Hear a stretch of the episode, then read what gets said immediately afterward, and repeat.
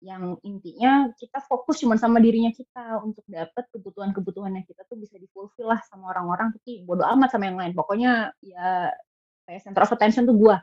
Nah, begitu. Akhirnya kan jadi toxic karena jadi nggak effort bareng-bareng nih, nggak kerjasama buat si relationship itu sendiri.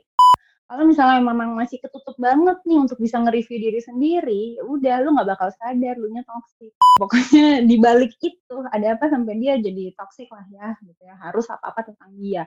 Karena sebenarnya deep down dia ngerasa insecure nih, insecure sama kemampuannya kalau nggak bisa ngelakuin ini itu sendiri. Yang pada akhirnya untuk bisa memenuhi kebutuhan ini, ya akan minta orang lain untuk provide terus.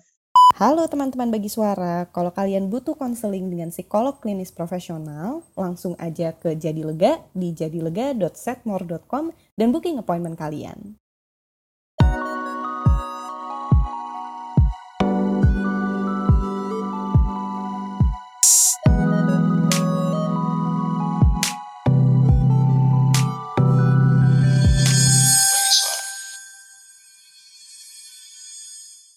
Oke, kenapa tiba-tiba oke? Nggak tahu, tapi halo teman-teman bagi suara, kembali lagi di episode Suara Psikolog.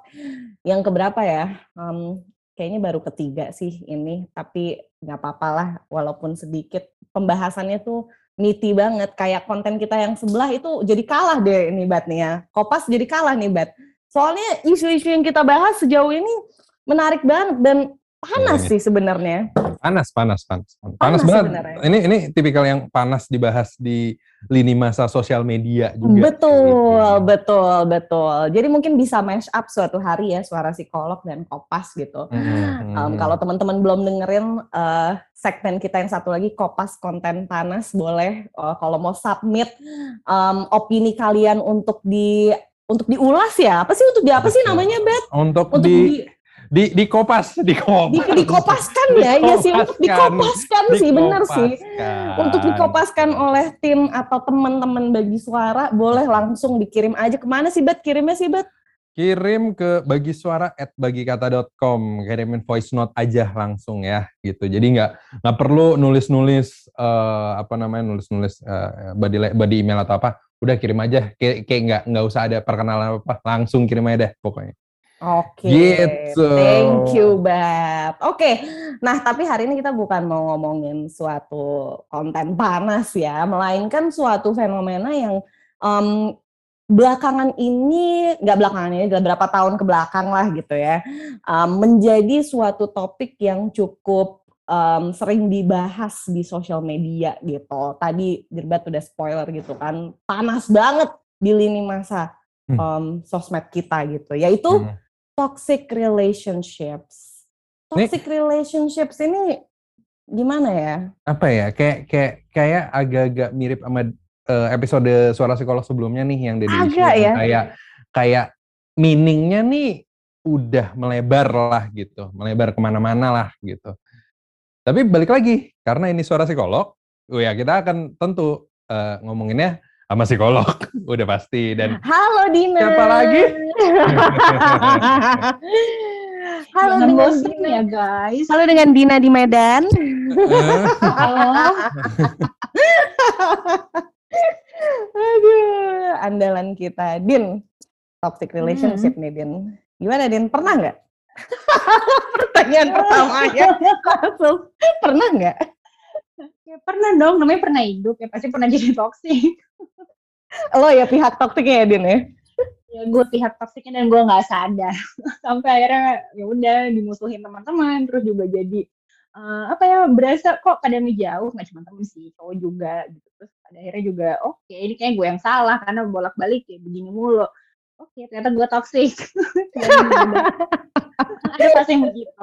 Ternyata gue toxic. Oke okay, tapi backtrack sedikit tadi lo sempat bilang apa namanya uh, di antara pertemanan uh, dan juga cowok gitu ya. Um, kalau yang sering dibahas di sosmed itu kan sebenarnya uh, toxic relationship tuh biasanya dari standpoint uh, romantic relationship ya, alias pacaran, uh, suami istri gitu. Um, kalau atau suami-suami istri-istri, ya anyway, kalau kalau dalam apa ya definisi yang lebih dekat dengan kondisi psikologisnya gitu ya, uh, toxic relationship ini tuh sebenarnya bisa terjadi dalam berbagai macam setting kan ya Din ya? Iya, benar. Bisa di keluarga, bisa di pertemanan, di hubungan percintaan, bahkan di kantor juga bisa. Yang jelas kita ketika berinteraksi dengan orang gitu yang intinya kita fokus cuma sama dirinya kita untuk dapat kebutuhan-kebutuhannya kita tuh bisa difulfill lah sama orang-orang tapi bodo amat sama yang lain. Pokoknya ya kayak center of attention tuh gua. Nah begitu akhirnya kan jadi toxic karena jadi nggak effort bareng-bareng nih nggak kerjasama buat si relationship itu sendiri. Dan ini kan settingnya ya nggak cuma nama pacar tadi ketika kita berinteraksi sama orang-orang siapa pun itu ketika lu cuman fokus dengan diri lu sendiri udah itu mah ternyata udah jadi tanda-tanda lu ada toksiknya nih uh, gejala-gejalanya gitu. Nah, tapi tadi kan lo sempat bilang ya kayak uh, ya lo juga punya pengalaman lah gitu berada di posisi sebagai orang yang toksiknya gitu toxic. kan. Mm-mm, gitu. Tapi kayak dalam kasus lo, dalam kasus lo kan lo sadar tuh kayak oke okay, gue uh, actually gue nih yang uh, problemnya gitu gue yang toxic. Um, kalau di masalah yang dalam pengalaman lo ya yang sering lo temukan gitu ya, um, mereka tuh sadar nggak sih kalau mereka adalah pihak-pihak gitu yang ternyata menyebabkan um, toxic relationship ini untuk muncul gitu antara keluarga atau temen atau uh, pasangan ya? Hmm, okay. Seringkali sebenarnya nggak sadar kak balik lagi ke gimana kita bisa ngevaluasi perilakunya kita gitu. Kalau misalnya memang masih ketutup banget nih untuk bisa nge-review diri sendiri, ya udah lu nggak bakal sadar lu nya toxic. Nah, kalau cerita gue tadi kan karena gue kok makin lama makin gak punya temen ya kok jadi dijauhin segala macam. Oh udah nih berarti gue yang salah gitu. Karena gue udah mulai ngerasa nggak nyaman kalau gue sendirian nggak ada teman-temannya kayak gitu. Oh berarti ya udah lihat lagi dulu settingnya kok hampir di semua setting pertemanan nggak ada yang klop gitu kan. Berarti ini gue bukan teman-teman yang lain. Nah itu karena gue punya si uh, tadi self reflection itulah. Kalau misalnya si orang ini nggak aware berasanya ya udah orangnya salah bukan gue yang salah itu mah ya udah jadi nggak bisa aware kalau sebenarnya perilaku dia mungkin udah ada yang toxic.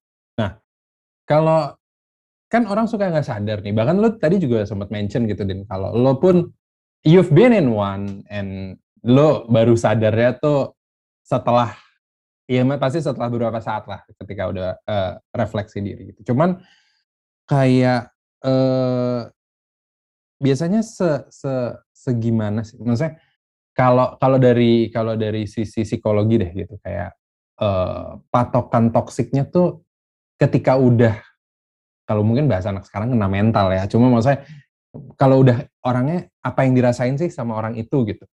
At least maybe from the gimana yang ngomongnya kalau ngomong korban tuh kayak agak gimana tapi kayak orang yang merasa di dalamnya gitu. Oh, bentar, ini ini sama si pelaku atau si orang yang nah, jadi korban? Mungkin mung gimana ya? Dua-duanya. Dua-duanya ya. Dua-duanya oh, sih. Dua-duanya. Dua-duanya sih. Oke, uh, kalau si pelaku ya pelaku, pokoknya di balik itu ada apa sampai dia jadi toksik lah ya, gitu ya. Harus apa-apa tentang dia. Karena sebenarnya deep down dia ngerasa insecure nih, insecure sama kemampuannya kalau nggak bisa ngelakuin ini itu sendiri. Yang pada akhirnya untuk bisa memenuhi kebutuhan ini ya akan minta orang lain untuk provide terus.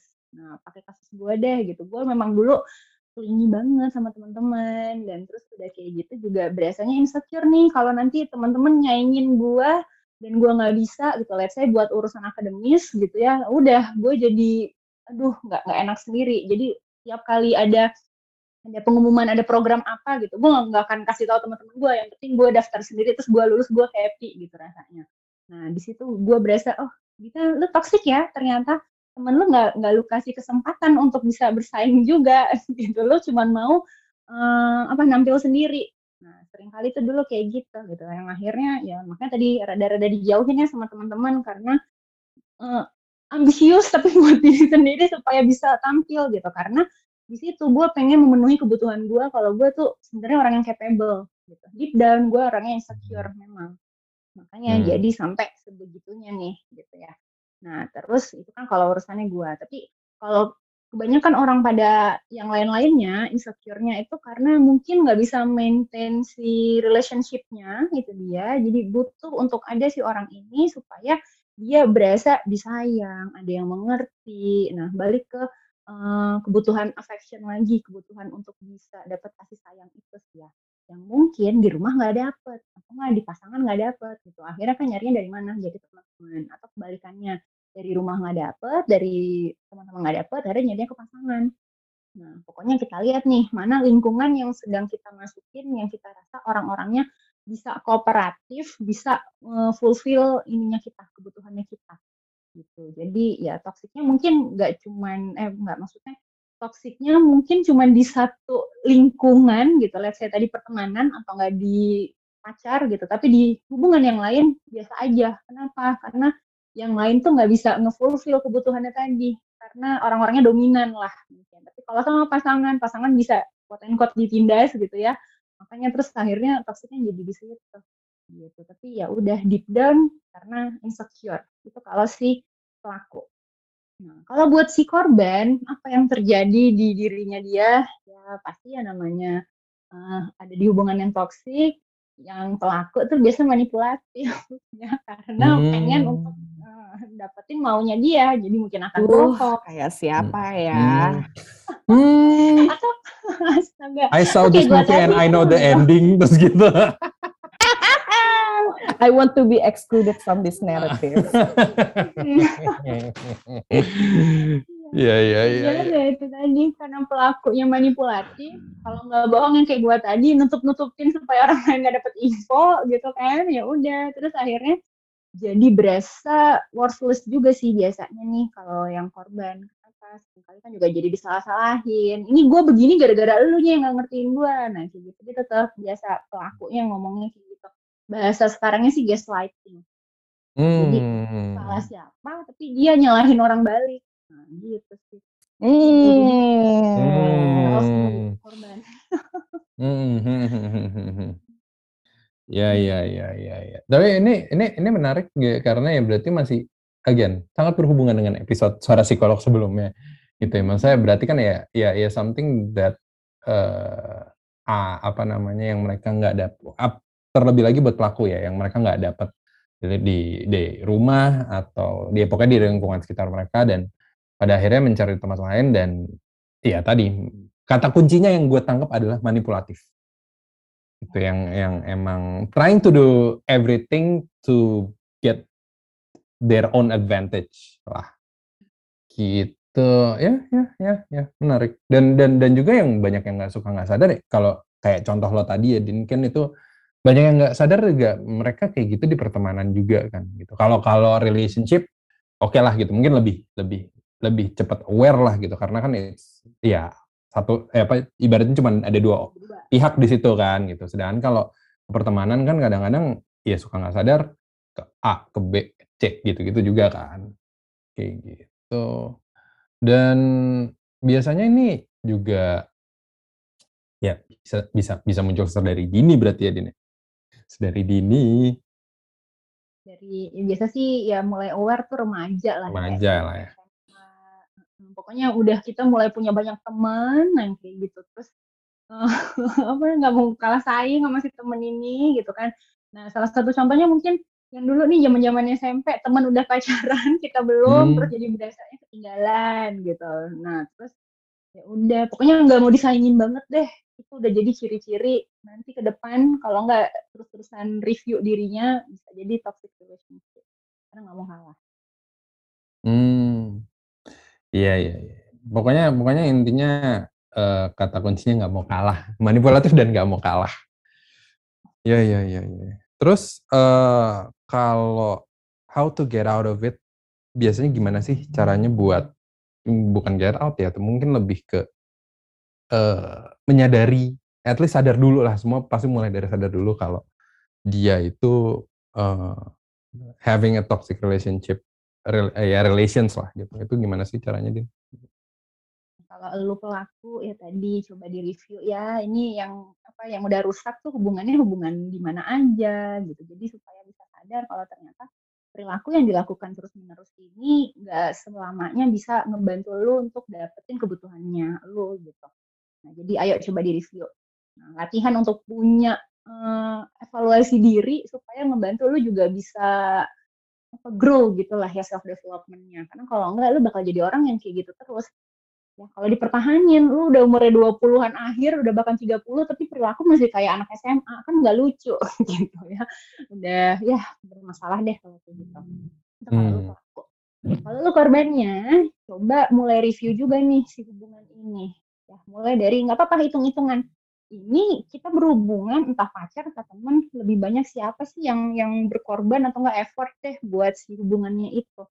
Kalau misalnya kita yang lebih banyak effort gitu, boleh pakai persen gitu ya, ternyata 80% di hubungan pertemanan ini kita lebih banyak effortnya daripada si teman atau partnernya kita. Oh, kenapa nih? Jangan-jangan dia fokus cuma sama dirinya aja gitu. Jangan-jangan Hmm. Kamu ada di hubungan yang toksik tadi. Kenapa? Fokusnya bukan kalian kerja sama berdua buat si relationship-nya, tapi cuma buat satu pihak ini yang memang jadi kita fokusnya buat memenuhi kebutuhan dia aja. Lah kebutuhan kamu siapa yang ngurusin kalau gitu? Benar. Benar, kamu benar, jadi benar. ngurusin dia gitu. Dan lu jadi nggak ngurusin diri lu sendiri. Lah terus siapa yang ngurusin? Nah, balik lagi kayak gitu jadinya. Dan dan kalau dari sisi korban tuh lebih ke ini ya, suka apa? nggak enakan lah ya. Maksudnya kalau sama Mhm. teman apalagi kan kayak aduh tapi dia lagi having issue juga kayak di rumah atau di keluarga gitu. Jadi jadinya nggak enak. Yang mana ya dari nggak enak itu kalau di di di apa ya di dibiarin ya dia juga nggak akan belajar kan si pelaku quote unquote pelakunya itu kan gitu. Hmm. Gue punya potensi kopas nih, Bat. Anjing potensi kopas. Potensi Oke, berarti yang berarti yang ngomentarin bukan lu sih kalau gitu. Iya, ini pertanyaannya gue lempar. Jadi potensi kopas kan. Hmm. Menurut lo, Din, em, orang yang eh, pelaku ya, pelaku ya berarti ya, pelaku pelaku toxic relationship ini dalam setting apa pun itu gitu ya, bisa berubah nggak sih? Bisa dong gue berubah, masa orang kagak berubah? Oh lo berubah, gitu. Oh lo berubah. Pertanyaannya gitu. Oh, lu berubah. Oh oke. Berubah. Enggak bercanda bercanda. Gimana gimana tuh? bisa bisa berubah ya gua gua tuh dulu nyebelin banget gitu tapi sekarang udah udah nggak semenyebalkan itu oke tapi gini bisa bisa berubah tapi balik perubahan itu harus datang dari si orangnya itu dulu gitu. Dan dia harus aware kalau perilakunya ini tuh udah salah udah nggak adaptif udah nggak efektif untuk bisa dipakai untuk dapetin apa yang dia mau. Kalau dia nggak bisa nge-reflect itu nggak bisa evaluasi tentang perilakunya ini ya gimana mau berubah? Karena berasanya kan gue kayak gini fine aja kok orang lain yang harus ngikutin gue gitu loh. Yang pada akhirnya kalau kayak gitu kan nggak bakal grow. Jadi ya udah gitu-gitu terus stuck di udah yang perilaku yang jelek itu tadi deh gitu. Nah berubah bisa tapi ingat siapa pun itu kalau mau berubah nggak bisa datang dari orang lain ya. Orang lain cuman bisa ngebantu untuk nyolek doang gitu ya. Motivasi dari orang lain mungkin ada tapi paling besar juga cuma sampai 30-40 persen. Selebihnya ya udah balik dari si orangnya itu sendiri. Bahkan kalau udah ke profesional sekalipun sebenarnya juga perannya profesional tuh ngebantu untuk seseorang berubah gitu ya. Ngubah mindsetnya, ngubah perilakunya, itu juga paling efektif dari hasil penelitian 25 persen doang. Nah, 75 persen balik dari si orangnya itu lagi, dia mau berubah atau enggak. Nah, gitu. Jadi berubah bisa, tapi ayo dari dirinya kamu sendiri dulu. Iya ya. Yang paling susah sadar ya. Iya, Sadar. paling susah sadar ya, Pak. Itu memang betul betul betul. Itu most of the effort ya. Berarti kayak si eh eh, eh, eh, nggak bisa berubah kali ya, Bet ya. Udah digepok iya, eh, emang kalau si tut itu emang ya gimana ya? Aduh. Ya, ya we've known we've known them for Oh. years lah. Ah, oh, Ya. enggak, siapa? Tuh. Nggak, kita, kita, kita biar biar ini biar biar gender neutral kita nggak pakai she or he eh he- him or her gitu. Jadi Ya, kita pakai they, aja. they, dem, They. Iya, iya, Mana iya. lah itu. Oh iya, siap, siap, siap, siap, siap, siap. siap. Biar nggak ketahuan. Tapi iya, Oh, iya, oke. emang nyadarin iya iya. Tapi maksudnya ya bener sih kayak eh, on serious note ya eh, dari ngelihat orang-orang di sekitar emang susah sih kayak dan kalaupun ada yang misalnya tadi udah sempat ibaratnya in a toxic relationship ke temen toxic, ke pasangan toxic for years, it takes more years buat dari sadar sampai bener-bener ngubah itu ya gitu. Itu juga effort banget sih. gitu. Ya mungkin mungkin lebih baik kalau sambil di apa namanya sambil dibantu konseling dengan yang profesional, dijadi lega gitu misalnya kan. Ya kan? gitu. ya kan?